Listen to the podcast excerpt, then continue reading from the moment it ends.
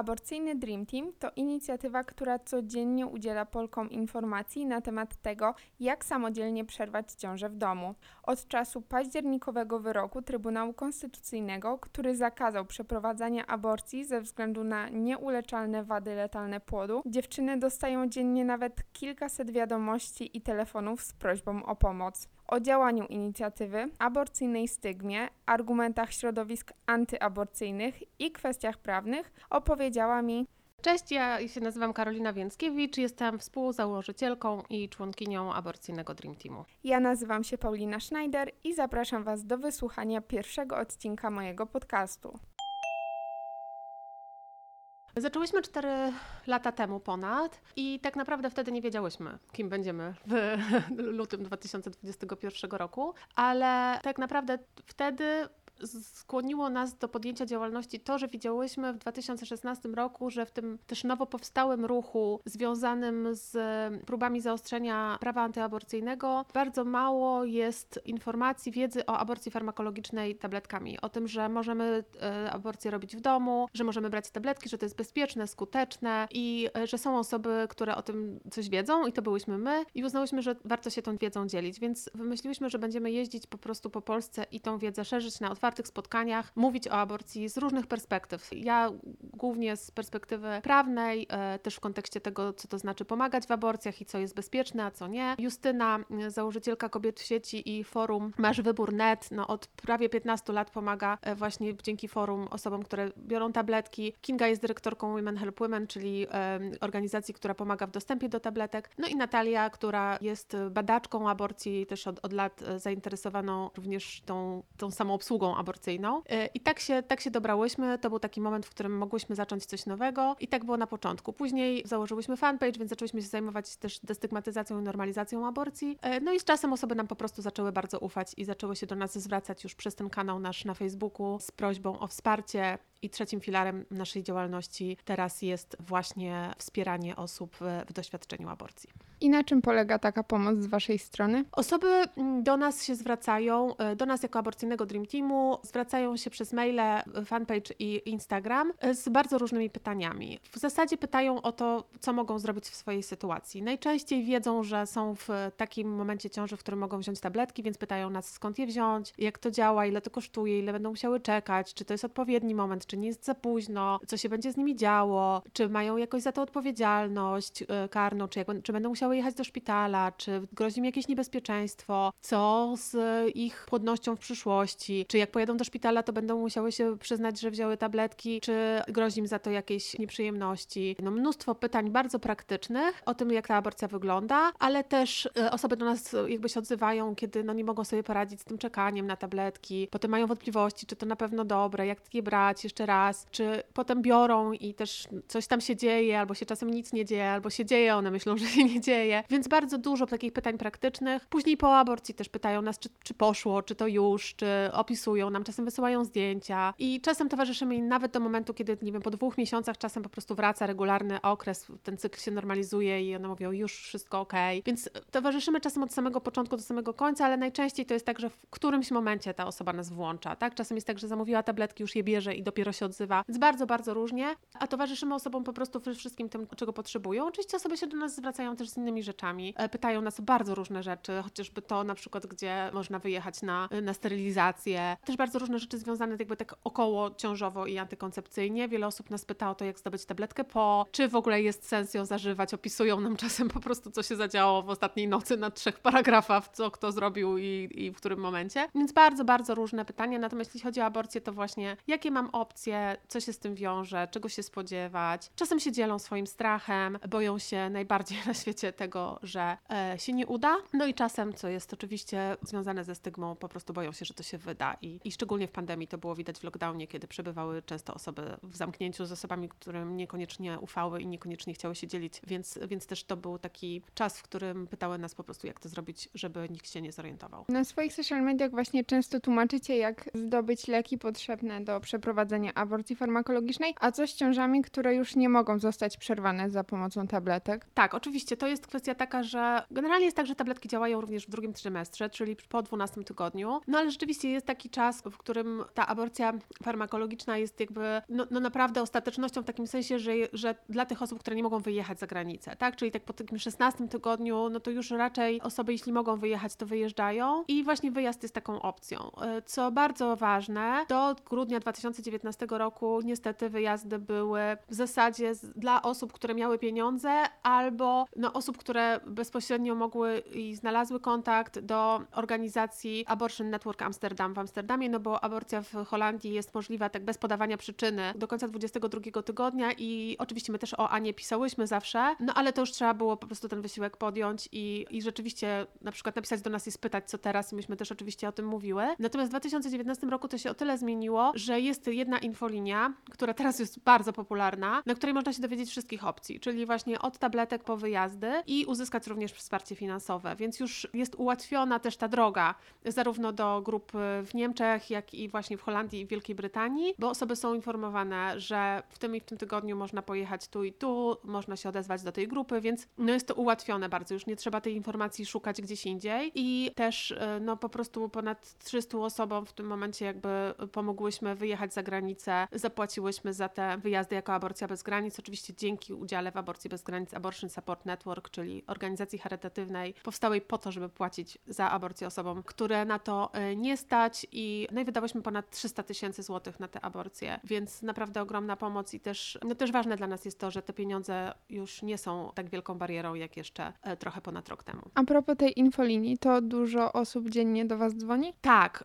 infolinia jest obsługiwana przez kobiety w sieci i tak, bardzo dużo osób dzwoni na aborcję bez granic. Też jest tak, że to jest bardzo ciekawe, bo aborcja bez granic tak naprawdę działała niecałe, trzy, no tak powiedzmy trzy miesiące w takich warunkach, bym powiedziała, standardowych, takich, jakich się spodziewałyśmy, że będziemy działać. Trzy miesiące po tym ogłoszeniu tej inicjatywy wydarzył się lockdown. Bardzo trudny czas dla aborcji bez granic, kiedy naprawdę po prostu cały ten, jak to dziewczyny mówią z Abortion Support Network i z kobiet w sieci, właśnie taki tetris aborcyjny. Jak to po prostu połączyć wszystko, żeby osoba jak najwygodniej, jak najszybciej i jak najtaniej, w jak największym komforcie dla siebie doleciała, dotarła na tą aborcję. E, więc to było bardzo, bardzo skomplikowane. Czasem podróż na aborcję trwała nawet ponad tydzień, bo po prostu trzeba było lecieć samolotem tu, potem pociąg, jakiś pociąg odwołany, jakiś autobus odwołany. No naprawdę bardzo, bardzo dużo komplikacji, e, ale też udało się każdej osobie w tamtym czasie również pomóc. No i później nastąpił taki czas po, po lockdownie takich różnych też zawirowań, no i później ten moment, kiedy była druga fala e, COVID-u i jeszcze w dodatku sytuacja z wyrokiem, tym orzeczeniem Trybunału, więc, więc bardzo dużo różnych zmiennych. Mogę powiedzieć tak, we wrześniu, czyli taki cały miesiąc przed wyrokiem, to było 300 telefonów w miesiącu. Teraz ich e, jest około 100 dziennie, a po wyroku było ich nawet 300 dziennie, więc to, to naprawdę bardzo się zmieniło. Natomiast no, to jest ponad, to jest kilka tysięcy osób, którym pomogłyśmy, które miały aborcję z nami, jakby w takim sensie, że właśnie gdzieś tam dzwoniły, konsultowały i tak dalej. Oczywiście większość osób zdecydowanie przerywa ciążę tabletkami. No i ponad 300 e, osób, które z naszym wsparciem e, wyjechały za, za granicę, więc to, są, to jest taka skala, skala wsparcia. Ona się zwiększyła po e, wyroku, no w taki oczywisty dosyć sposób. Natomiast tak, bardzo popularny numer, teraz szczególnie i bardzo dużo osób z niego korzysta. Wiem, że zgłaszając się do Was nie trzeba podawać powodu, przez który chce się przerwać ciążę, ale domyślam się, że jednak wiele kobiet i tak dzieli się z Wami swoimi historiami i czy mogłabyś zdradzić, co najczęściej skłania je do aborcji? Trudno powiedzieć, bo myśmy też, my też tego nie liczymy, jakoś nie, nie, nie kategoryzujemy. E, natomiast mogę powiedzieć coś takiego, co, co się wiąże tutaj jakby z tym pytaniem, co jest też reprezentacją stygmy aborcyjnej. To znaczy tak, rzeczywiście, nam nie trzeba tego mówić, ale wiele osób, kiedy do nas pisze albo dzwoni, jakby od razu z miejsca się tłumaczy. To jest właśnie wynik stygmy i tego, że my jesteśmy uczone tego, że my musimy na tą aborcję zasłużyć. Że my musimy tak opowiedzieć tą historię, żeby druga strona uwierzyła, że naprawdę zasługujemy na tą aborcję, naprawdę ona jest konieczna, naprawdę musimy przerwać ciążę. My tego nie wymagamy, zawsze mówimy dzięki, że dzielisz się z nami tym, bo jedyne co sprawi, że będziemy miały wątpliwości, to to, jeżeli powiesz, że to nie jest twoja decyzja, że ktoś cię tego zmusza, no albo jest za późno. E, więc, e, więc to jest jedyna sytuacja, natomiast nic, co powiesz o sobie, o tej ciąży, o swojej sytuacji, nie sprawi, że my powiemy, a nie, to jednak ty nie będziesz miała aborcji. E, natomiast osoby rzeczywiście piszą nam bardzo różne rzeczy. Takim bardzo znakiem czasu tego 2020 roku jest to, że wiele osób straciło pracę albo miało, zaczęło mieć bardzo niepewną sytuację ekonomiczną i część osób jakby zaszła w ciążę przed lockdownem i, i jakby nie miała w ogóle takich, no gdzieś tam zaakceptowała tę ciążę. Potem właśnie okazało się, że straciły pracę, straciły straciły jakby stabilność finansową i zdecydowały się, że okej, to w takim razie nie jest czas na dziecko, a miały jeszcze czas na to, żeby o tym zdecydować, więc czasem to były takie decyzje. Rzeczywiście te, te przyczyny ekonomiczne się bardzo ujawniały. Też taki bardzo przykry, pandemiczny, że tak powiem, trend to to, że też wiele osób e, niestety było zmuszonych do przebywania 24 godziny na dobę z osobą, która stosowała przemoc seksualną, czyli partner, który wymuszał seks, czy wręcz stosował jakby no, fizyczną przemoc i, i też to się zdarzało. Natomiast no, najczęściej osoby, tak mogę powiedzieć z doświadczenia też osoby, która po prostu jest w kontakcie z osobami, odbiera te wiadomości, no to jest to, że już nie mogę mieć dziecka. Bardzo często coś, co jest tak naprawdę wynika z badań. Mam już dwójkę dzieci, nie chcę następnych. Wiek, jakieś też sytuacje zdrowotne, ekonomiczne, ale tak naprawdę najczęściej po prostu miks tego wszystkiego. Jak, jakby to nie jest nigdy jeden powód, to jest zazwyczaj kilka powodów, ale też są niestabilna sytuacja w, w, w związku, bardzo, bardzo różne rzeczy i, i tu tr trudno powiedzieć, że jest jakiś powód po prostu, tak? To jest zawsze, zawsze szereg powodów, pośród których na pewno jeden gdzieś tam się wybija, ale my też e, nie, nie, nie próbujemy tego ustalić. Tak, osoby nam po prostu opisują swoją historię i to jest najczęściej po prostu sytuacja, że ta ciąża konkretna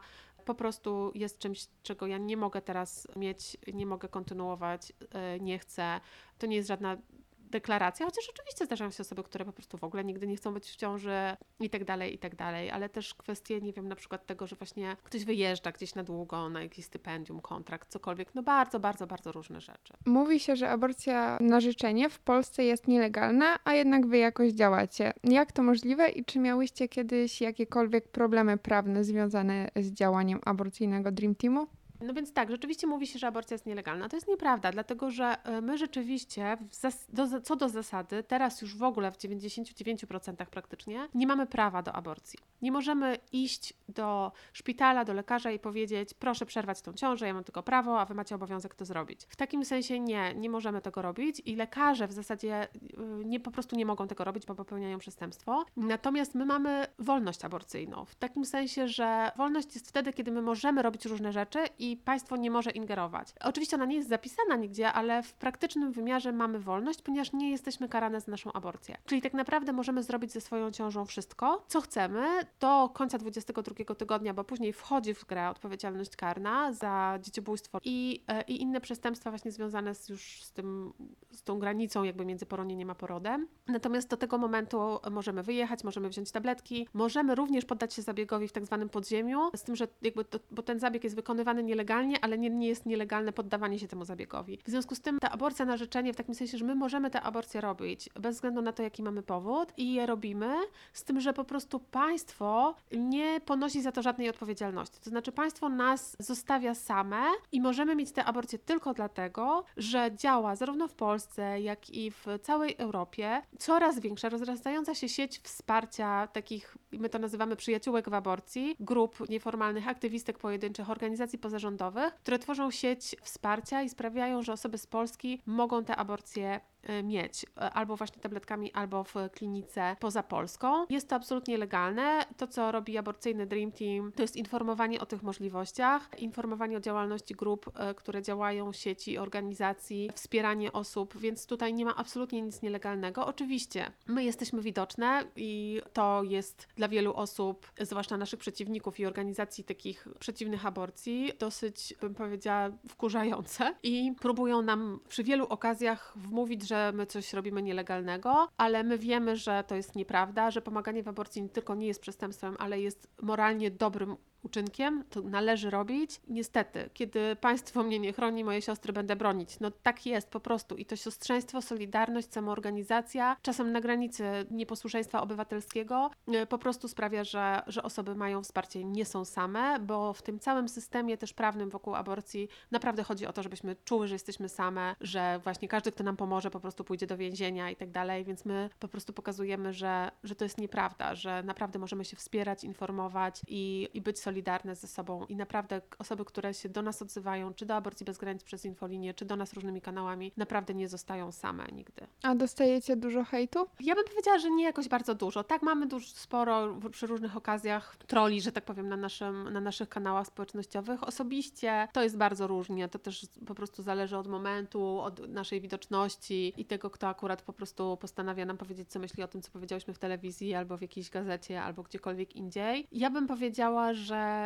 y, nie, nie dostajemy dużo hejtu. Zdarzają się osoby, które nam piszą, że jesteśmy nienormalne, bezduszne, po prostu Bóg nas ukaże morderczyniami i powinniśmy zgnić w więzieniu. Ale naprawdę ta skala też wiadomości nie jest jakaś bardzo duża. Ale tak, czasem się z zbiegają y, chłopcy i, y, i gdzieś tam pod jakieś komentarze nam robią. Y, No i czasem jest tak, że rzeczywiście pojawiają się jakieś wpisy gdzieś na jakichś różnych grupach, że coś trzeba z tym zrobić, bo one znowu przesadziły ten post, to w ogóle przestępstwo i tak dalej, i tak dalej. Albo też jeżeli atakujemy świętości, to gdzie nam nie mogą tego wybaczyć. Kiedy skrytykowałyśmy Katarzynę Nosowską, okazało się, że nie wolno tego robić, a ostatnio doświadczyłyśmy bardzo dużo krytyki, takiego mini kryzysu w social mediach, kiedy śmiałyśmy powiedzieć, że Jurek Owsiak powiedział jednak nie fajnie na temat aborcji. I to jest bardzo ciekawe, bo trochę to sugeruje, jakby Jurek Owsiak przez to, że pomógł iluś tam milionom dzieci, mógł powiedzieć wszystko. Yy, mogłabym powiedzieć pewnie teraz po prostu bez, że tak powiem, łapania tchu 10 rzeczy, których Jurek Owsiak nie mógłby powiedzieć bezkarnie, ale właśnie o to chodzi w aborcyjnej stygmie, że aborcji można powiedzieć wszystko. E, natomiast jestem przekonana, że są takie rzeczy, które powiedział i natychmiast został bezkrytykowany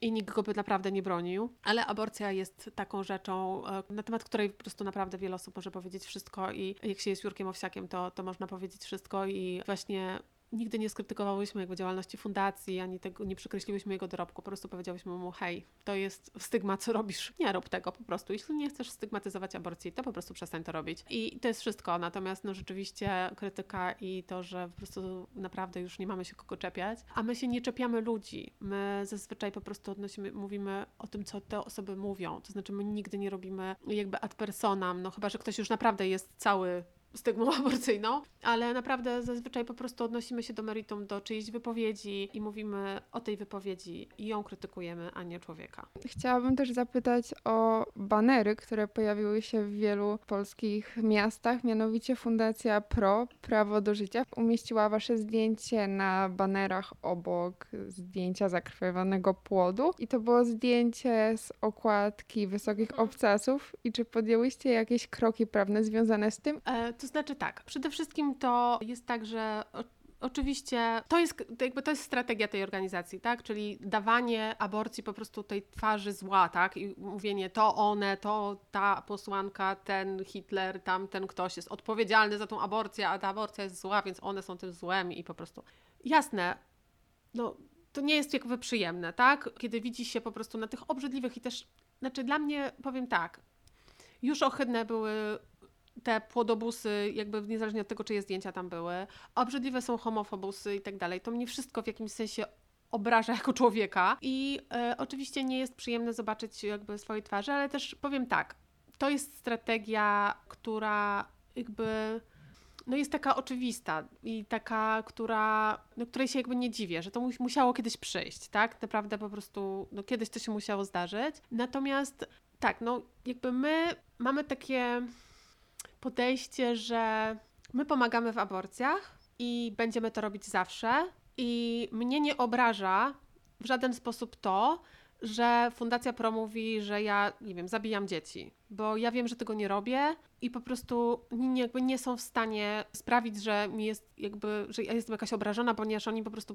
mówią sw- swoim językiem na to, co ja robię. I mam takie wrażenie, że po prostu te, te plakaty, ten aborcyjny killing team i jeszcze to, że nas wspiera wyborcza, no to jest jeszcze jakby te, te tkanki w zasadzie nie wiadomo czego e, i to wszystko po prostu ja mam takie coś, że, że mnie to wkurza, tak, nie, nie, jakby mam bardziej coś takiego, że po prostu mi to zajmuje czas i energię, ale w takim kontekście tej strategii mam takie, no, że to jest żenujące. I trochę tak do tego podchodzę i oczywiście jest tak, że wiele osób nam o tym mówi, ale my też wiemy, że my jesteśmy siłą, to znaczy, że no oczywiście nie jest to przyjemne, kiedyś mi pod oknem przyjechała ta, ta, ta cię- ciężarówka, no i to jakby nie jest przyjemne, natomiast to jest stek kłamstw. Ja też wiem, że ludzie w to nie wierzą. I po prostu mam takie poczucie, że jest tak mało tak naprawdę rzeczy, które ta fundacja jakby jeszcze może zrobić, że, że sięga po prostu po jakieś naprawdę dosyć dla mnie żenujące strategie. I, i ja wiem, że to jest o tym, że ta aborcja, to zło musi mieć jakąś twarz. I ja nie mam, szczerze mówiąc, problemu, że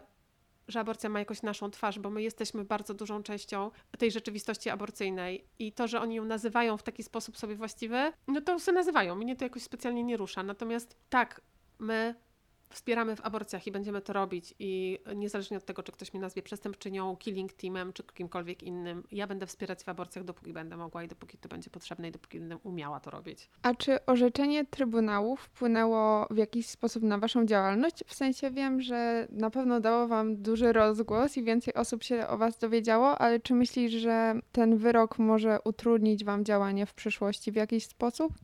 Wyrok bardzo wpłynął, to znaczy to orzeczenie, w zasadzie już moment, kiedy to ogłoszenie, y, jakby no, nie, nie ogłoszenie w takim sensie prawnym, tylko ten, to po prostu wydanie tego wyroku, może tak, to zmieniło bardzo. Znaczy nasza rzeczywistość się zmieniła 22 października bardzo. Myśmy rzeczywiście zdobyły tą popularność. To był ten moment też tuż po tych furgonetkach, w sensie tych pierwszych furgonetkach, więc też y, myśmy wtedy dostały też ogrom wsparcia i zaufania, więc to było bardzo jakby tak szło w parze, że z jednej strony my rzeczywiście stałyśmy się bardzo popularne i, i te telefony po prostu z 300 miesięcznie w, we wrześniu wzrosły do 300 dziennie w ten weekend po, po, po wydaniu tego orzeczenia. Natomiast e, mogę powiedzieć z całą mocą, że jeśli chodzi o aborcję bez granic, nie stało się tak, że jakaś osoba została bez pomocy. Mimo, że te telefony naprawdę się urywały, to osoby dostały wsparcie. Jeśli chodzi o aborcyjny Dream Team i nasze kanały, no to był taki moment bardzo trudny w wiadomościach wiadomościach. Ja na te wiadomości odpisywałam i naprawdę nie byłam w stanie robić tego na czas. Pamiętam, że w pewnym momencie po prostu za punkt honoru sobie przyjęłam, że maksymalnie dwa dni się czeka na odpowiedź, no ale potem oczywiście, jakby wiadomo, może to jest zdecydowanie za długo, więc też po prostu potrzebowałyśmy wtedy wsparcia w tym. Więc to był taki kryzys po prostu tego, że naprawdę mnóstwo osób do nas pisało z bardzo różnymi rzeczami, nie tylko o wsparcie, ale właśnie, żeby podziękować, żeby nam powiedzieć, że ktoś tam coś powiedział, a gdzieś się pojawiło to, a gdzieś tam coś innego. Dlatego my też miałyśmy trochę takiego spokoju, w sensie spokoju wewnętrznego, związanego z samą publikacją wyroku i ogłoszeniem, jakby faktycznym ogłoszeniem ogłoszeniem i wejściem go w życie, ponieważ przez te trzy miesiące, to jest to, co Justyna z naszego aborcyjnego Dream Teamu mówi, myśmy, te trzy miesiące to był dla nas test, myśmy dały radę. My wiemy, że my damy radę to ogarnąć, dlatego że, e, no wiadomo było, z matematyki samej wynika, że do wszystkich osób, które jakby potrzebują wsparcia, dochodzi te tysiąc rocznie, które no teoretycznie miały te aborcje w polskim szpitalu. No i tysiąc rocznie, no to jest kilka dziennie. Do tego dochodzą osoby, które jakby te liczby jakby do tej pory, plus ogromna popularność, czyli więcej osób. I nie więcej osób potrzebuje aborcji, tylko więcej osób się zgłasza do nas o pomoc, po prostu, bo o nas wie. No i, i się udało, to znaczy myśmy przez te trzy miesiące naprawdę zrozumiały, że, yy, że to jest ciągle możliwe i finansowo, i organizacyjnie, i no, no po prostu jakby ludzko, że tak powiem. To był czas graniczny. To znaczy rzeczywiście jakby w kontekście faktycznego wsparcia no dla nas bardzo budujący, no bo się okazało, że ta inicjatywa naprawdę zadziałała, planowana na normalny, standardowy czas, po prostu zadziałała w ekstremalnych warunkach i zarówno lockdownu wiosennego, jak i właśnie tych trzech miesięcy po wydaniu tego orzeczenia, więc to, to jest rzeczywiście coś niesamowitego. Natomiast no, w taki sposób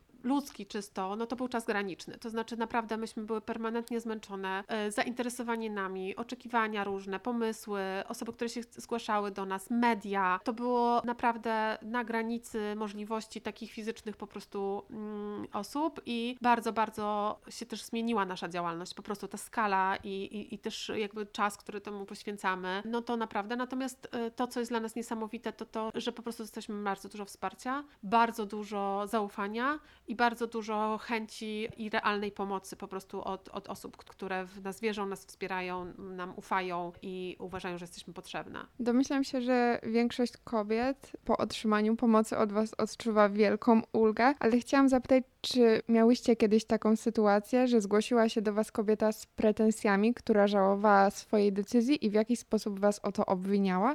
Nie, nigdy nas nie obwiniała. Były osoby, które mówiły, dobra, poszło, jest kilka dni po, słabo sobie radzę i zawsze po prostu mówimy, słuchaj, to się zdarza, to jest normalne, zawsze jest tak, jeżeli podejmujemy jakąś decyzję, może nam być trudno. Poza tym jest tak, że fakt, że sobie nie radzimy z aborcją, że odczuwamy żal, stratę, smutek, jakieś pretensje do siebie i tak dalej, to jest, y, może być element tego doświadczenia, to naprawdę nie znaczy, że zrobiłyśmy coś złego, że tego żałujemy, tylko po prostu musimy sobie poradzić z trudnymi emocjami. Te emocje najczęściej są y, różne też bardzo i od radości przez poczucie straty, y, potem właśnie smutek, zastanawianie się, co by było gdyby i tak dalej, i tak dalej. I to jest po prostu coś, z czym sobie trzeba poradzić. Żadna z osób nas nie obwiniała o swoje emocje, ponieważ my nigdy nikogo nie namawiamy do aborcji, my nikomu nie mówimy, aborcja jest dla ciebie dobra i tak dalej. Czasem osoby, które się wahają, z nami rozmawiają, nigdy nie mówimy nikomu, co ma robić i co będzie dla tej osoby lepsze. Jeżeli osoba e, nie potrafi podjąć decyzji, próbu, chce wsparcia psychologicznego, mamy osoby, które nas też wspierają i e, udzielają takich konsultacji również po aborcji. Są osoby, które nie radzą sobie z trudnymi emocjami, które mają. E, Większość osób tych trudnych emocji nie ma, ale jeżeli są, to my oferujemy też wsparcie, kierujemy do, do psycholożek, które jakby wiemy, że, że mogą po prostu w tym zakresie wesprzeć, więc e, dalej jest to pewnego rodzaju wsparcie, którego jakby udzielamy, niż, niż jakieś właśnie e, sytuacje, w których ktoś ma do nas pretensje. Raczej osoby nam ufają i mówią, kurczę, co, co teraz, no trochę słabo się czuję po tej aborcji, co, co, co ja mam robić I, i wtedy po prostu szukamy tego rozwiązania, tak, bo, bo to się zdarza po prostu i nie ma w tym nic złego. Zacytuję tutaj słowa kandydata na prezydenta w ostatnich wyborach Krzysztofa Bosaka, który powiedział, że kobiety, które dokonały aborcji, nigdy z tego powodu nie czują satysfakcji i ulgi, natomiast zjawisko syndromu postaborcyjnego jest powszechnie opisane w literaturze naukowej. I chciałabym właśnie dopytać o ten syndrom postaborcyjny, skąd on się wziął i skąd jest to przekonanie, że tak wiele kobiet go doświadcza, bo z tego co mówisz, to wiele kobiet się cieszy i odczuwa ulgę Tak, znaczy ja z doświadczenia powiem coś takiego. Dla osoby, która nie chce być w ciąży, jest w ciąży i nie chce w niej być, aborcja to jest najlepsze, co się może tej osobie przytrafić. Więc i tak, mamy różne emocje związane z dokonywaniem bardzo różnych decyzji, również związanych z różnymi interwencjami w nasze ciało, medycznymi, czasem, nie wiem, kosmetycznymi nawet. I możemy żałować, tak? I e, próbować jakby, nie wiem, coś zrobić i myśleć sobie po prostu, Boże, co ja narobiłam, po prostu, bo naraz, nie wiem, mam po prostu tatuaże na całym ciele, a nie chcę. Natomiast to nie tylko z naszego doświadczenia wynika, że postaborcyjny syndrom to jest bzdura, to wynika z badań naukowych. To znaczy tak, oczywiście, w literaturze, nie wiem jakiej naukowej, Krzysztof Bosak czyta o syndromie postaborcyjnym, ale to nie jest literatura naukowa, tylko jakaś propaganda antyaborcyjna, ponieważ badania wszystkie wskazują na to, że dominującym uczuciem po aborcji jest ulga, Osoby, które podejmują tę decyzję, bardzo rzadko jej żałują, a jeżeli żałują, no to oczywiście mają do tego prawo i też wtedy po prostu w jakimś sensie poradzić z tym żałowaniem. Żałujemy bardzo różnych decyzji i nie mamy syndromu, nie wiem, post niejechania na kontrakt do innego kraju, syndromu post złego małżeństwa i już na pewno po prostu nie mamy syndromu postporodowego w takim sensie, że nie mówi się o tym, że żałujemy macierzyństwa i tak dalej. Oczywiście są różne komplikacje poporodowe również w kontekście kry- kryzysów psychicznych, ale jakoś się na to nie mówi po prostu właśnie w takim sensie, że no może nie rodźmy dzieci, bo czasem się zdarza depresja poporodowa, tak? Syndrom postaborcyjny to jest wymysł przeciwników aborcji, to jest wymysł wynikający ze stygmy aborcyjnej, z takiego przekonania po prostu, że aborcja to jest coś złego i jeśli to robisz, to na pewno będziesz zawsze cierpieć, a już na pewno masz się tego wstydzić i o tym nie mówić i milczeć na ten temat. No to jest dyscyplinowanie po prostu nas, to jest e, wpędzanie nas w poczucie winy, pokazywanie nam, że po prostu nie jesteśmy w stanie podejmować własnych decyzji i, i po prostu nie ma czegoś takiego w ogóle w życiu, czego się co do zasady żałuje albo co do zasady nie żałuje. Jeśli wybieramy między drogą A i B, zawsze mamy tendencję do tego, żeby myśleć, co by było, gdybym wybrała jednak drogę A, a i może być tak, że żałuję, że nie wybrałam drogi A. To jest normalne doświadczenie życiowe, aborcja jest również powszechnym doświadczeniem życiowym. Część osób ma to doświadczenie, część nie. Z tych, które mają to doświadczenie, część osób według badań znikoma żałuje tego, ale nie ma czegoś takiego jak syndrom postaborcyjny, czyli że co do zasady e, po aborcji się odczuwa i doświadcza jakiegoś kryzysu psychicznego. Jest to absolutna bzdura. I właśnie chciałam dopytać tak z drugiej strony, jaki wpływ na psychikę kobiety może mieć właśnie przymuszenie do urodzenia niechcianego dziecka? To jest właśnie coś, co sprawia, że można doświadczyć poważnych kryzysów psychicznych. Dlatego, że pod jednym względem aborcja, znaczy w ogóle ciąża, jakby rzeczywiście i kwestie okołoaborcyjne są jakby wyjątkowe w kontekście różnych interwencji medycznych w nasze ciało. Brak aborcji i kontynuowanie ciąży skutkuje tym, że w naszym ciele po prostu rośnie płód i potem musimy go urodzić albo nie wiem, ktoś musi go z nas wyjąć za pomocą cesarskiego cięcia i tak dalej i rodzi się po prostu dziecko, tak? I y, to, to jest w takim sensie inne, że zmuszanie kogoś do kontynuacji ciąży, kiedy ciąża wpływa na absolutnie każdy element naszego życia, na funkcjonowanie naszego organizmu, w zasadzie każdy jego aspekt jest mm, bardzo, bardzo dużym obciążeniem dla organizmu. Jest to potencjalnie w ogóle zagrażająca życiu sytuacja, tak? E, Tak naprawdę. I często się mówi po prostu o tym, że poród jest o wiele bardziej niebezpieczny niż aborcja. E, I każda ciąża tak naprawdę co do zasady niesie ze sobą ryzyko e, zdrowotne. No i i to jest właśnie nasze ciało, w które po prostu jest zmuszane do tego, żeby w tej ciąży być, no to jest okrucieństwo po prostu. To znaczy, to jest tortura. To znaczy, też jest tak, że wiele osób, które jest w ciąży, mówi, że dokładnie będąc w ciąży, chcianej, akceptowanej, z wyboru kontynuowanej, właśnie wtedy zrozumiałam najbardziej na świecie, że jestem za aborcją ponieważ zmuszanie, ja cierpiałam w ciąży, jakby ja czułam po prostu ten dyskomfort. Mam 9 miesięcy w ciąży i nie wyobrażam sobie sytuacji, w której można kogoś zmusić do tego, żeby wbrew swojej woli w tej ciąży był. Ponieważ oczywiście jesteśmy w stanie to znosić, jeżeli chcemy i tak dalej, i tak dalej. Bywa to trudne, czasem właśnie zagrażające i tak dalej. Więc sytuacja, w której ktoś kogoś zmusza do tego i my nie mamy tego wyboru, jest jakby takim uderzeniem w naszą istotę. To znaczy, jeżeli my nie możemy decydować o swoim własnym ciele, no to co my możemy w ogóle? Jak my możemy w ogóle funkcjonować społecznie, w ogóle jako jednostka, tak? W związku z tym, no zmuszenie do kontynuowania e, ciąży kogoś jest, no okrucieństwem, tak? Oczywiście czasem się zdarza tak, że osoby, nie wiem, myślą właśnie o przerwaniu ciąży, potem jest trochę za późno, gdzieś tam mówią, dobra, to już nie próbuję i potem w sumie, a w sumie dobrze się stało, tak? Ale to jest inna sytuacja niż to, kiedy komu, ktoś komuś po prostu jakby zabrania, tak? Więc oczywiście różne rzeczy się zdarzają i mamy bardzo różne doświadczenia. Właśnie to jest tak, to nie jest tak, że chciana ciąża to jest kochane dziecko nie jest też tak, że niechciana ciąża to jest niekochane dziecko. Zdarza się bardzo, bardzo różnie, ale nie wolno nikomu po prostu narzucać i też jednym wielkim mitem jest instynkt macierzyński, to, że jak już zajdziemy w ciążę i już to dziecko się urodzi, na pewno je pokochamy, bo przecież zaleje nas takie hormony, że po prostu nie sposób nie pokochać. E, no to wszystko są bzdury, ale przede wszystkim niezależnie od tego, jak historie się toczą, no to to są indywidualne historie i nie wolno co do zasady mówić, okej, okay, to w takim razie po prostu skoro ktoś niby chciała przerwać ciążę, potem się rozmyśliła i urodziła dziecko i była bardzo szczęśliwa, to w związku z tym teraz po prostu nikt nie może robić aborcji. No to jest bzdura. Do którego momentu ciąży aborcja powinna być według Was legalna i dlaczego akurat do tego momentu? I my jako Aborcyjne Dream Team i ja jako prawniczka i aktywistka aborcyjna od lat 11 uważam, że nie powinno być w ogóle czegoś takiego jak legalna aborcja w takim sensie ustawy aborcyjnej legalizującej aborcję, która je, mówi o tym, że do tego tygodnia to można to, a do tamtego to. Mi się marzy, wolna aborcja. Marzy mi się to, że nie ma żadnej ustawy specyficznej, po prostu ustawy o aborcji, ponieważ aborcja to jest jedyny zabieg medyczny, prosty zabieg medyczny, akurat jeśli chodzi o ginekologię i położnictwo, najczęstszy zabieg. To jest jedyny zabieg medyczny w ogóle, który ma swoją własną ustawę. Nie ma ustawy o amputacji nogi, operacji oka czy czegokolwiek innego. Tylko aborcja ma swoje własne ustawy. Marzy mi się, żeby przestać wreszcie to robić. Marzy mi się to, żeby aborcja uregulowana była tak jak w Kanadzie, nie odrębną ustawą, tylko protokołami medycznymi, zapisami bardzo szeroko pojętego prawa medycznego, uregulowana w prawach pacjenta, po prostu tak jak inne zabiegi. I jakoś, jeśli chodzi o, nie wiem, właśnie amputację nogi, przeszczep serca, wstawienie zestawki, czy bardzo różne inne rzeczy, to jakoś nie mamy ustaw. Mamy protokoły medyczne, jakoś lekarze wiedzą, co robić. I rzeczywiście w Kanadzie również wiedzą, co robić.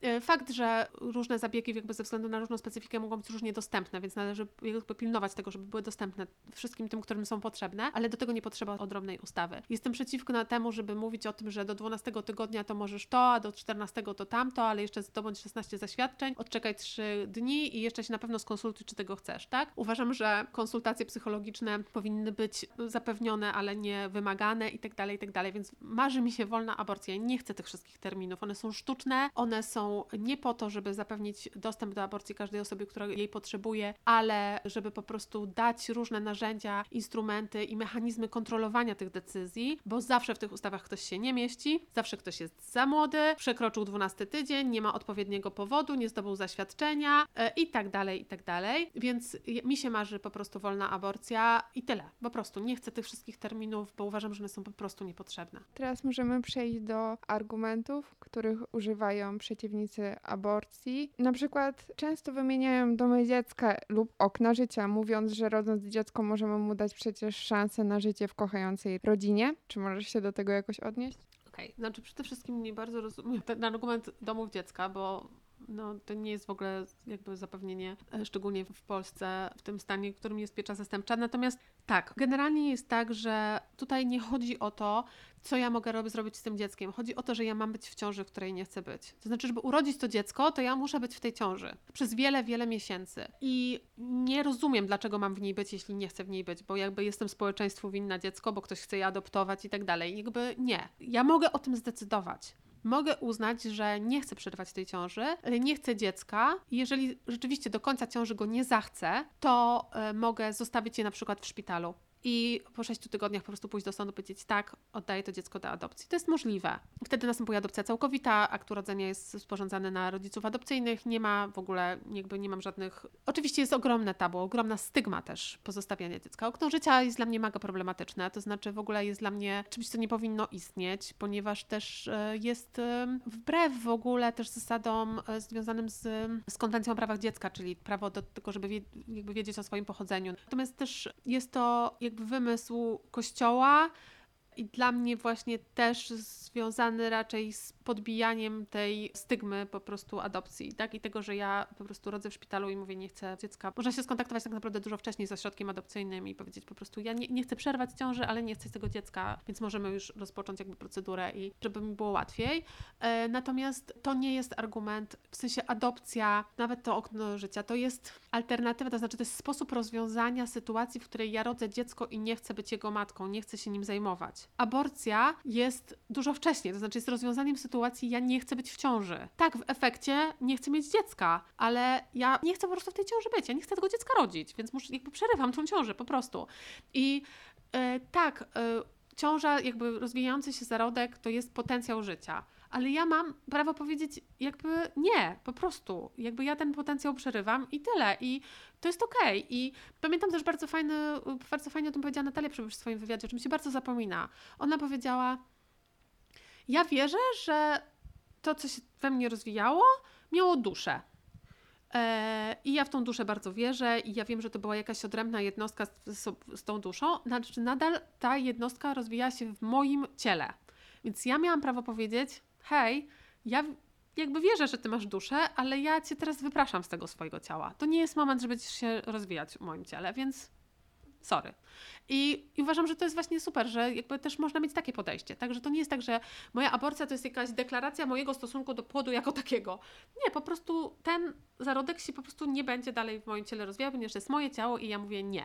I to jest okej. Okay. Wszelkie inne rzeczy związane z tym, co można jakby zrobić z dzieckiem, które się urodziło i na co mu dać szansę, a na co nie, to są rozwiązania po porodzie, a nie sytuacji, kiedy jakby mogę zdecydować o tym, że ja po prostu w ogóle nie będę miała porodu, ponieważ po prostu nie będę w tej ciąży.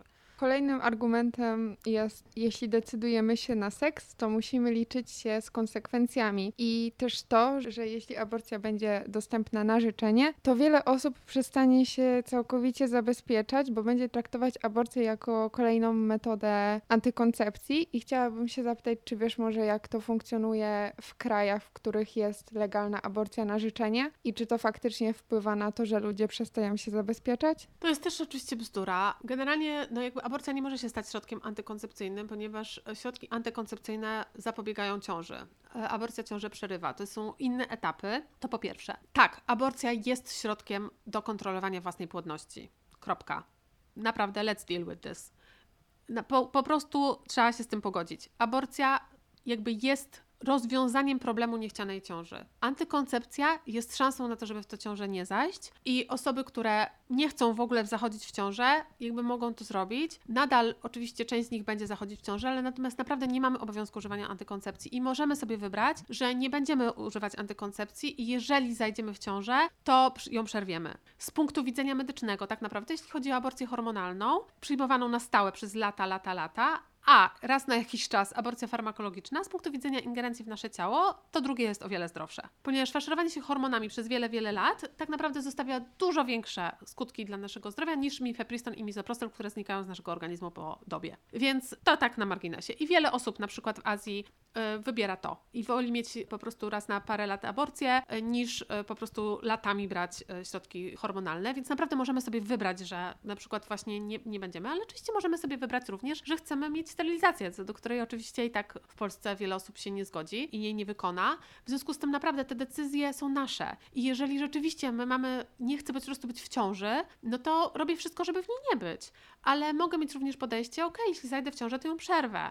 I również powinnaś mieć taki, taki wybór. Często to jest tak, że się mówi, że jeżeli jest dobra edukacja seksualna i dobra antykoncepcja, to jest mało aborcji. Ale też aborcja jest zawsze potrzebna, tak? I naprawdę, jeśli chodzi o nasze podejście, to my nie mamy jakiegoś celu, żeby aborcji było jak najmniej, a, ale tak, uważamy, że powinna być dobra edukacja seksualna i powinna być absolutnie dostępna antykoncepcja, w tym antykoncepcja po stosunku dla wszystkich osób, które decydują się jej używać. Powinna być informacja, powinna być tanie, bez recepty tak naprawdę i tak dalej. Natomiast nadal aborcja będzie potrzebna. Aborcja jest, będzie istnieć, dopóki będziemy zachodzić w ciążę i dopóki będziemy mieć seks. I ja uważam, że ten argument o jakby, nie wiem, nie liczenia się z konsekwencjami. Konsekwencją seksu czasem jest ciąża, więc nie rozumiem w jaki sposób aborcja jest jakby, no to jest dealowanie z tą konsekwencją. To znaczy, jeżeli ja zachodzę w ciążę w wyniku seksu, no to aborcja jest jednym ze sposobów reakcji na tą konsekwencję. To znaczy, no to nie jest tak, że jeżeli ja uprawiam seks, to ja się godzę na ciążę, a co więcej, godzę się na dziecko. No nie, więc to jest absolutna bzdura i to jest też stygma e, seksu kobiecego seksu, to znaczy to, żeby przejść to i powiedzieć sobie, tak, dobra, wiecie co, możecie sobie mieć seks bez konsekwencji, w cudzysłowie, możecie sobie mieć seks dla fanu, o nie, wy macie seks, to macie się liczyć z tym, że będziecie w ciąży. Przypominam, że bardzo powszechne są żarty pod tytułem e, kolesi, tak, a ty masz jakieś dziecko? No, no nie wiem, no może jakieś mam, ale no nic na ten temat nie wiem, tak, czyli po prostu to, że ja sobie tam być może zapłodniłem po prostu ileś tam osób, to y, jest jakby po prostu super, ale my po prostu musimy dealować i mieć po prostu brać pod uwagę konsekwencje naszego seksu. No to jest o stygmie seksualności kobiecej, o niezgodzie na to, że my naprawdę możemy mieć seks tylko dla przyjemności i nie musimy z tego seksu mieć dzieci i rodzić tych dzieci i być w tych ciążach. I to jest o tym, żeby nas po prostu skontrolować, zdyscyplinować i powiedzieć nam, no jak jak masz seks, no to oprócz dzieci, jeśli się nie zabezpieczyłaś albo cokolwiek. A tak, a jakby my się nie musimy zabezpieczać. Też możemy mieć nieodpowiedzialny w cudzysłowie seks z kimś tam po imprezie i po prostu powiedzieć, o kurde, no chyba to nie był najlepszy dzień, więc robię test i tyle, tak? I jakby, no to jest o tym, to jest o tej, o tej wolności i o tym, że, że my naprawdę możemy to robić, ale to, to nawoływanie takie, o, bądź odpowiedzialna. Aborcja jest odpowiedzialnym, odpowiedzialna. Znaczy, jeżeli ja jestem w ciąży i ja nie chcę w niej być, e, nie mogę, nie, po prostu nie mam możliwości i tak dalej, no to to jest bardzo, znaczy w ogóle zawsze jest, jakby to jest odpowiedzialna decyzja, po prostu to jest branie odpowiedzialności za konsekwencje swojego seksu, tak? No, znaczy, no nic innego. Po prostu te, to branie odpowiedzialności może po prostu bardzo różny sposób wyglądać, ale aborcja jest jednym ze sposobów brania tej odpowiedzialności. Często też, głównie mężczyźni, używają argumentu, że to przecież po porodzie będzie też ich dziecko, to oni zapodnili tą kobietę i też mają prawo decydować, czy to dziecko ma się urodzić. I uważasz, że, że to prawda, że partner ma prawo decydować o tym, czy kobieta ma zatrzymać ciążę? Nie, uważam, że co do zasady nie ma prawa. To znaczy, bo jeżeli myślimy o tym, że mężczyzna ma prawo decydować, to znaczy, że kobieta ma obowiązek jakby go uwzględnić w tym. Uważam, że nie. To znaczy, uważam, że decyzja o aborcji, uważam, że ta wolność decyzji jest po stronie osoby w ciąży, ale uważam, że ta wolność decyzji jest bardzo szeroka. To znaczy, zawsze trochę sobie żartuję, tak, że jakby może być tak, że ja nikomu o tym nie powiem, zdecyduję sobie zupełnie sama i niczego zdania nie wezmę pod, pod uwagę, a mogę równie dobrze napisać na Facebooku, zrobić ankietę, przerwać czy nie. Mogę to zrobić. Między tymi skrajnymi, że tak powiem, sytuacjami, czyli jedno, że po prostu decyduję zupełnie sama, drugie, że poddaję to publicznemu głosowaniu, jest całe spektrum rozwiązań. Ale to od nas, od osoby w ciąży zależy, kogo ja włączę w podejmowanie tej decyzji. Jeżeli ja chcę, żeby ta decyzja była wspólna, to mogę ją podjąć razem z osobą, z którą tej ciąży jestem. Jeżeli jestem osobą, która robi wszystko tak, jak mi każe matka, to mogę powiedzieć do mamy przerwać czy nie przerwać i zrobić tak, jak ta mama mówi. I bardzo dużo różnych rzeczy. Oczywiście tutaj trochę jakby doprowadzam to do absurdu, ale też, żeby pokazać, że naprawdę to ode mnie zależy. Ja mogę tą decyzję podjąć jak chcę i w oparciu o co chcę, tak? To znaczy, to jest moja decyzja i y, ja decyduję o tym, w jaki sposób ją podejmuję i kogo w nią włączam, z czyim zdaniem się liczę i tak dalej. I jest tak, że w relacjach, w których właśnie traktuje się ten seks jakby jako taką wspólną rzecz i jakby różne rzeczy związane z tym seksem, czyli nie wiem, właśnie antykoncepcję, różne rzeczy związane, nie wiem, czasem z kłopotami, czyli problemami jakimiś zdrowotnymi jednej, drugiej osoby, jakimiś trudnościami wynikającymi z tego, że ten seks jest taki, a nie inny, ale również z rzeczami, które z tego seksu mogą wynikać, że mamy po prostu taką relację, w której po prostu te decyzje jakoś podejmujemy wspólnie, jakby jesteśmy w otwartości na temat tego, co się dzieje i to jest okej, okay, ale to nie jest tak, że mężczyzna co do zasady ma prawo i kobieta ma w związku z tym obowiązek go poinformować o tym, że jest w ciąży i jeszcze w dodatku mu powiedzieć po prostu tym teraz zdecyduj, co ja mam robić. Nie. To jest, zależy tylko od tej osoby w ciąży, kogo ona w to włączy i na ile zdanie tej osoby weźmie pod uwagę. To jest jej decyzja. Słyszałam też argument medyczny. Dotyczył tego, że aborcja zwiększa ryzyko bezpłodności w przyszłości. Czy to jest prawda? E, Bezpłodność to jest bardzo trudne słowo, jakby w takim sensie, że no bezpłodne w zasadzie są osoby, które nie mają macicy, tudzież nie mają jajników i tak dalej. E, W sytuacji, w której mamy trudności z zajściem w ciążę naturalnym, mówimy o niepłodności, czyli niemożności zajścia w ciążę w sposób jakby naturalny i musimy się wspomagać, ale też może być ta niepłodność tak w zasadzie już na granicy bezpłodności, czyli w sensie takim, że żadna z tych metod wspomaganej prokreacji na nas nie zadziała. Fakt, że zaszłyśmy w ciążę, jest najlepszym dowodem na to, że jesteśmy płodne. Może być tak, to się zmienia również, można bez problemu, absolutnie naturalnie zajść w pierwszą, drugą, trzecią, piątą ciążę, w siódmą y, mieć kłopoty i może być tak, że akurat ta siódma to jest ta, którą chcemy utrzymać. To nie jest konsekwencja aborcji. Jakby jedynym taką czymś, co może być jakby trudne, to jest źle wykonane łyżeczkowanie. Ale to się w zasadzie nie, nie zdarza, to było wtedy, kiedy, oczywiście w Polsce ciągle to jest metoda przerywania ciąży, ale też oczywiście bardzo mało osób z niej korzysta, ponieważ bardzo mało osób po prostu ma te aborcje w, robione przez lekarzy. E, Natomiast rzeczywiście nieumiejętnie zrobiona, e, zrobione łyżeczkowanie przez osobę, która jakby, no, nie ma tego doświadczenia i podrażni tą macicę, czy jakoś tam ją uszkodzi, może się zdarzyć, że to wpływa później na możliwość zagnieżdżenia się zarodka i tak dalej. Natomiast jeśli chodzi o kwestie w ogóle co do zasady aborcji, zwłaszcza właśnie chirurgicznej metodą no i zwłaszcza w oczywiście farmakologicznej, to nie jest nigdy powód do ewentualnej niepłodności, bo też jakby na niepłodność wpływa bardzo dużo rzeczy, e, również wiek, palenie papierosów, picie alkoholu, kwestia też potem na przykład czasem rozwijających się różnych infekcji, czy, czy endometriozy i tak dalej, i tak więc mamy różne doświadczenia i jedna osoba może mieć zarówno doświadczenie poronienia naturalnego, aborcji, porodu, jak i trudności z zajściem w ciążę. To jest wszystko absolutnie możliwe i może się to zdarzyć, natomiast to są raczej współwystępujące rzeczy niż w tym łańcuchu, że tak powiem, przyczynowo-skutkowym, kiedy aborcja jest przyczyną trudności z zajściem e, w ciążę w późniejszym czasie, więc tego nie należy łączyć i no nie należy się obawiać, że my podejmując decyzję o aborcji wpływamy w jakiś sposób na naszą przyszłą płodność. I chciałam się zapytać, czy na przykład ty kiedyś miałaś inne zdanie na temat aborcji niż teraz, że miałaś jakieś wątpliwości etyczne? Ja pamiętam takie bardzo wczesne, ja nigdy nie miałam jakby problemu z aborcją, tylko pamiętam, że miałam takie coś, że jak to jest, że, że czasem po prostu czytamy ten test i już mówimy, że to jest dziecko i w ogóle mamy te emocje, a czasem po prostu rzeczywiście to nie jest dziecko, tak? I właśnie wtedy tak naprawdę to, to pamiętam, że już wtedy właśnie y, gdzieś tam moje myśli szły w tym kierunku, że właśnie jest różnie, że te emocje, że to nie jest jakaś emocja względem płodu jako takiego, tylko pojedyncza emocja po prostu danej osoby. I tak jedna osoba może patrzeć na test ciążowy i myśleć sobie, jestem mamą, a można tego nie poczuć y, nigdy. Więc, y, więc to pamiętam, że właśnie gdzieś tam się zastanawiałam, jak to jest i właśnie wtedy, znaczy nie wiem, czy wtedy to zrozumiałam, ale, ale pamiętam, że później zrozumiałam, że to chodzi o indywidualne emocje i tak można po prostu czuć różnie. Natomiast też nie jest tak, że osoby, które, potem to zrozumiałam oczywiście, że osoby, które robią aborcję, to jakby nie mają tych uczuć i nie, nie uważają co do zasady, że, że zarodek to jest zapek tkanek, a te, co nie robią aborcji, to uważają, że to jest dziecko. Nie, w ogóle tak nie jest. Natomiast to znaczy na pewno jest tak, że żadna z nas nie urodziła się w tym różu, brokacie i, i proaborcja i docenianie w ogóle aborcji jako takiej i tej wdzięczności za aborcję, za to, że ona jest i my naprawdę możemy decydować o swojej płodności i nie jesteśmy jakby zakładniczkami swojej płodności. E, Natomiast e, ja też miałam różne momenty, takie gdzieś ta, gdzie ta stygma na mnie działała po prostu, więc na pewno zdarzało mi się mówić, że aborcja powinna być legalna, bezpieczna i rzadka, tak?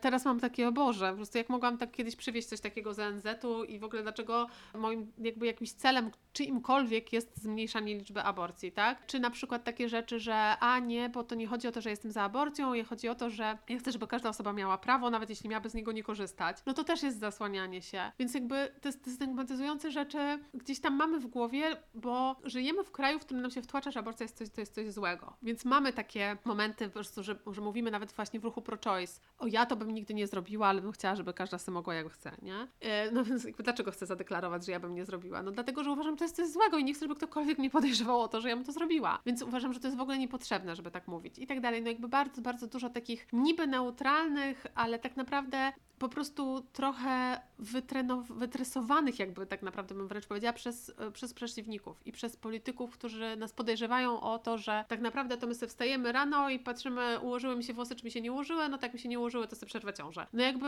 traktowanie nas jak idiotek i tak dalej i naprawdę podejmujemy decyzję o aborcji czasem myśląc o tym tygodniami, a czasem to jest dla nas oczywiste, po prostu widzimy ten test i zamawiamy tabletki, tak? Podejmujemy tę decyzję bardzo szybko. Mówienie o tym, że to jest zawsze trudna decyzja, że to jest zawsze trudne doświadczenie i tak dalej, też jest ze stygmy. Mi się zdarzało rzeczy takie mówić wiele lat temu, zwłaszcza właśnie tak jakby na początku, kiedy zaczynałam swoją pracę, ale to jest dlatego, że co do zasady nie mamy dostępu do rzeczywistości aborcyjnej. Więc e, oczywiście mi się to zmieniało wraz z coraz większym dostępem do rzeczywistości aborcyjnej, ale niestety jest też tak, że bardzo mało tego dostępu mamy, bo my zazwyczaj mamy ten dostęp przez te tragiczne historie, przez te ekstremalne jakby sytuacje, w których właśnie bardzo chcemy mieć dziecko, ale nie możemy, bo to dziecko się po prostu urodzi i zaraz umrze, więc my nie chcemy tego doświadczać i w ogóle ta tragedia i tak dalej. Podczas gdy naprawdę 98% e, osób przerywających ciążę do 98% przerywają dlatego, że po prostu nie chce być w tej danej konkretnej ciąży. Im więcej się ma do, dostępu do tego, y, tym bardziej się rozumie, że aborcja nie jest niczym złym i nie musimy tu mówić tych rzeczy, które są jakby przez tą stygmę nakręcane. I, ale też, y, tak jak mówię, to jest droga, którą trzeba przejść. My ją przeszłyśmy i po prostu mamy teraz no, zupełnie jakby inne, inne myślenie, ale ona wynika z pracy jakby w tym obszarze, ale też z po prostu zmierzenia się z tą stygmą i dostępu do, do tej rzeczywistości.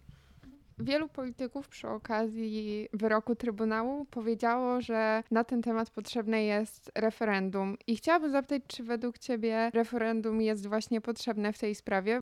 Znaczy, ja w ogóle jestem przeciwna referendum, ale nie dlatego, że ja się boję przegranej w referendum. Ja po prostu uważam, że referendum jest niepotrzebne, wręcz niewłaściwe, dlatego że nie może być tak, że większość ma decydować o tym, co ja mogę zrobić ze swoim ciałem, a co nie. I jeżeli większość, ta, która pójdzie głosować, powie, że po prostu się nie godzi na aborcję, to ja po prostu w związku z tym, nie wiem, no nie mogę mieć aborcji. To nie jest to narzędzie, po prostu. Znaczy tak, wiadomo, że wtedy się przywołuje przykład Irlandii i tak dalej. Irlandia miała, ma takie, a nie inne prawodawstwo. Ona miała wpisane przeszkodę w, w ogóle tworzeniu jakichkolwiek innych regulacji aborcyjnych wpisano w konstytucji. Jedynym sposobem zmiany konstytucji w Irlandii jest referendum. One nie miały innego wyjścia. My nie jesteśmy w, w takiej sytuacji. To nie jest nasze jedyne narzędzie, żeby w ogóle pchnąć sprawę do przodu. Więc uważam, że to, co powinno się dziać i tak, oczywiście jest no, poparcie dla, dla protestów, jest generalnie coraz większe przekonanie o tym, że w Polsce prawo antyaborcyjne jest antyaborcyjne i powinno być zmienione, ale i tak uważam, że społeczeństwo ma bardzo duży udział w tym, żeby wreszcie to się zmieniło, ale ten nacisk na polityków nie może być za pomocą referendum. On musi być inaczej, on po prostu musi być na zasadzie my was wybraliśmy i macie przestać w e, parlamencie reprezentować swoje wartości, tylko macie po prostu działać w zgodzie z potrzebami społecznymi. Potrzeba społeczna społeczna jest taka, że ma być dostępna aborcja. I to jest ten nacisk, a nie na zasadzie takiej, że zorganizujemy coś, co jest jakby też mechanizmem jakby prawnym, tak, i obwarowanym bardzo różnymi rzeczami. I naprawdę społeczeństwo, jeżeli chce zmian, ma bardzo dużo możliwości naciskania na polityków, e, a politycy powinni patrzeć na to, jak się zmienia społeczeństwo, a nie zasłaniać się tym, że teraz zrobimy referendum i jak nam w referendum nakażecie coś, to my zrobimy, a jak nam powiecie, że nie, to na kolejne 50 lat po prostu udamy, że tego nie ma, tak? Jeśli by się udało, aborcja w Polsce byłaby dostępna na życzenie, to walczyłybyście o zniesienie klauzuli sumienia dla lekarzy, bo wiem też, że mimo, że przed 22 października aborcja była dostępna w trzech przypadkach, to nawet w tych trzech przypadkach czasami ciężko było znaleźć lekarza, który podejmie się zrobienia tego zabiegu. Znaczy ja generalnie nie jestem za tym, żeby w ogóle nie było klauzuli sumienia, w takim sensie, że generalnie uważam, że osoby, które wybierają specjalizację ginekologiczno-położniczą, raczej po prostu powinny zdawać sobie sprawę z tego, że no, ich rolą również jest czasem przerwanie ciąży i, i to się po prostu dzieje, taki jest cykl jakby życia, że tak powiem i, i to jest naprawdę część naszego życia reprodukcyjnego i seksualnego i oni są za tą część medycyny odpowiedzialni, w związku z tym, jeżeli masz z tym problem, to po prostu nie wybieraj tej specjalizacji. Co do zasady nie jestem przeciwna klauzuli sumienia, czyli odmówieniu jakby konkretnego zabiegu z powodów wewnętrznych przekonań. Klauzula sumienia sumienia teraz jako taka jest oczywiście wypaczona, więc przeciwko takiej klauzuli sumienia jestem, ale nie przeciwko takiej, która rzeczywiście daje tą możliwość. Z tym, że ten system musi być tak zorganizowany, że jeżeli nawet pojedynczy lekarz mówi, ja tego zabiegu konkretnego nie wykonam, to nie jest tak, że ja jestem na liście, po prostu nigdy nie robię tego albo nigdy nie robię tamtego, tylko no naprawdę tutaj jest taka sytuacja, w której ja jakby no nie mogę po prostu wykonać tego zabiegu, no to po prostu do placówki należy zapewnienie tego zabiegu wykonanego przez inną osobę, ale y, ja jestem przeciwna wypaczeniu klauzuli sumienia, kiedy cały szpital ma klauzulę, kiedy właśnie wszyscy lekarze mają, dyrektor mówi, ale ja w zasadzie nic nie mogę z tym zrobić, więc niech sobie pani szuka sama. No takie rzeczy y, oczywiście są niedopuszczalne i, i też y, w tej ustawie, która jest proponowana przez Lewicę i też znaczy w zasadzie przez Komitet Obywatelskiej Inicjatywy Ustawodawczej, w której jesteśmy częścią, no jakby proponuje właśnie takie rozwiązanie, że to nie jest tak, że my skreślamy zupełnie klauzulę sumienia, tylko właśnie przywracamy jej ten jej pierwotne jakby znaczenie, czyli w wyjątkowych sytuacjach pojedynczy lekarz może odmówić pojedynczego zabiegu w konkretnej sytuacji, musi się to wytłumaczyć swojemu przełożonemu i tak dalej, i tak tej pacjentce, a placówka ma zapewnić to, że ona po prostu dostanie inną opiekę. E, Natomiast absolutnie całe województwo, tak jak podkarpackie, czy właśnie cały szpital, e, czy po prostu lekarz co do zasady i wszyscy lekarze na jakiejś liście, no to jest oczywiście bzdura. To jest też coś takiego, co, co jest na przykład we Włoszech i w zasadzie mimo, że aborcja jest teoretycznie legalna do 12 tygodnia, no to 88% lekarzy ginekologów po prostu jej nie robi. Nam chodzi oczywiście o dostęp do aborcji, a nie o prawo i o legalność aborcji, więc y, w sytuacji, w której osoby miałyby prawo do tego, żeby ją uzyskać w systemie ochrony zdrowia, no musiałoby być tak zorganizowane, że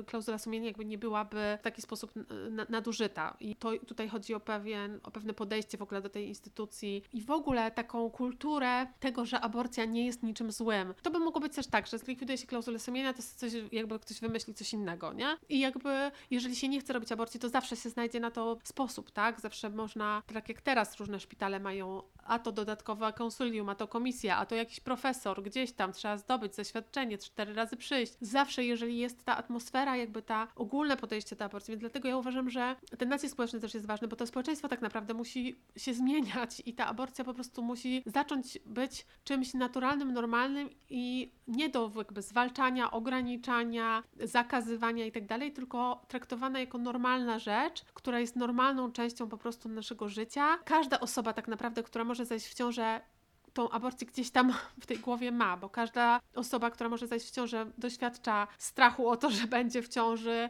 strachu o to, że jest w ciąży, strachu o to, co będzie i tak dalej.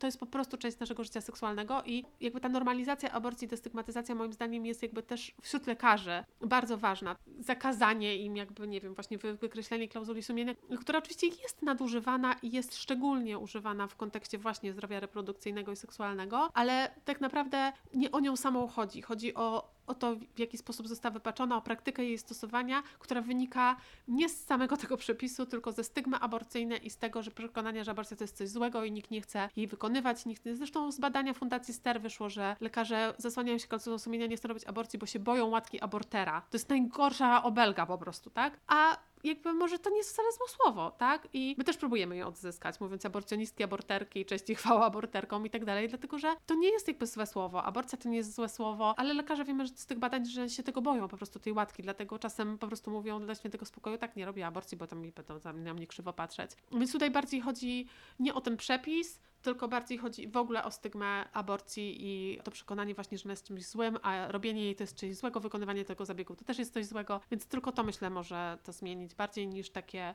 zakazy i nakazy.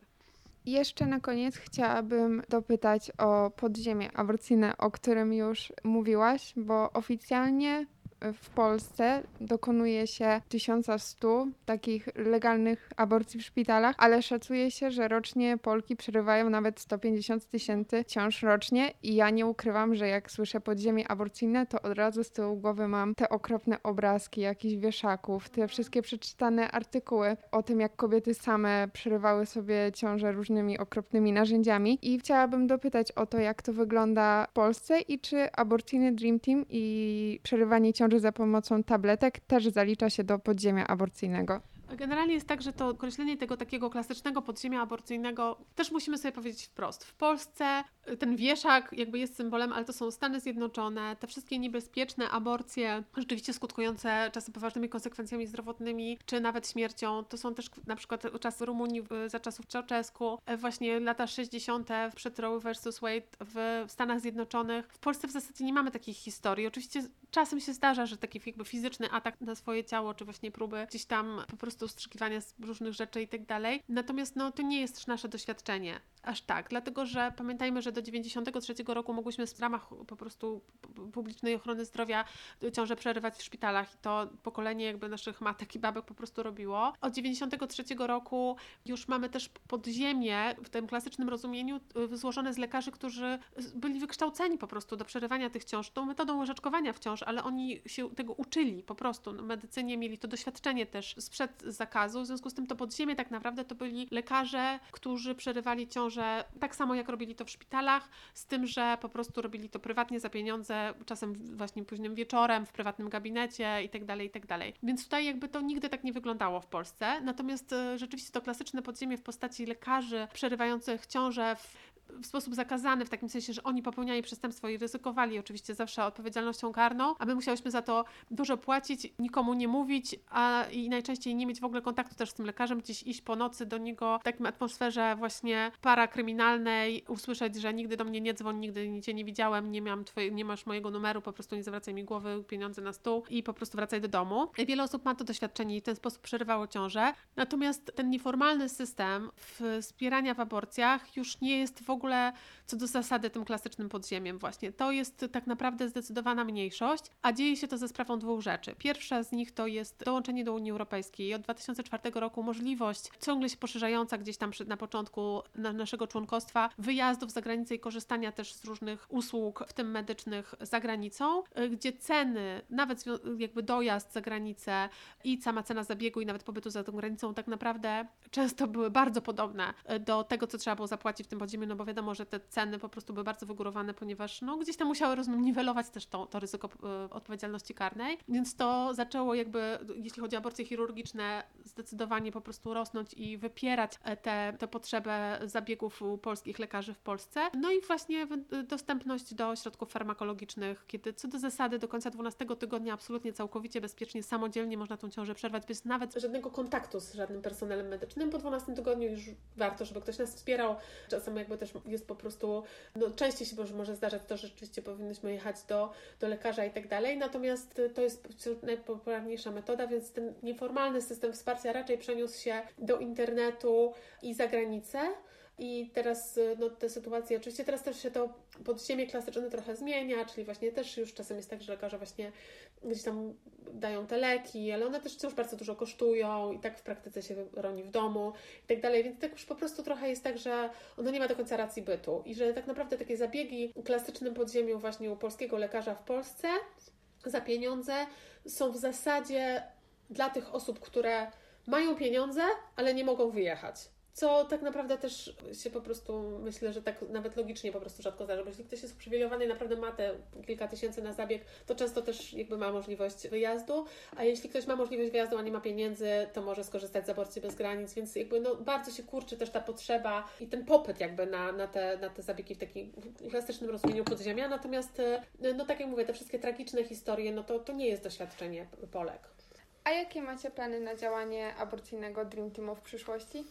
O, chcemy dalej destygmatyzować, normalizować aborcję, wspierać, być częścią ruchu, rosnącego ruchu przyjaciółek aborcyjnych, dzielić się tą wiedzą, wspierać osoby, które potrzebują aborcji, wspierać osoby, które chcą wspierać inne osoby, szerzyć tą wiedzę, gdzieś tam po prostu kontynuować tą działalność i mieć nadzieję, że coraz więcej osób będzie wierzyła w to, że aborcja nie jest niczym złym i że jest absolutnie normalną częścią naszego życia. Mamy nadzieję, że coraz więcej osób, widzimy też te zmiany, będzie o swoich aborcjach mówić, że przełamiemy po prostu tą stygmę, że przełamiemy tą ciszę i w pewnym momencie po prostu jako społeczeństwo zrozumiemy, że aborcja po prostu była, jest i będzie. I to jest coś, co, co, co chcemy robić. W takim razie nie mam już więcej pytań i bardzo dziękuję za rozmowę. Dziękuję bardzo.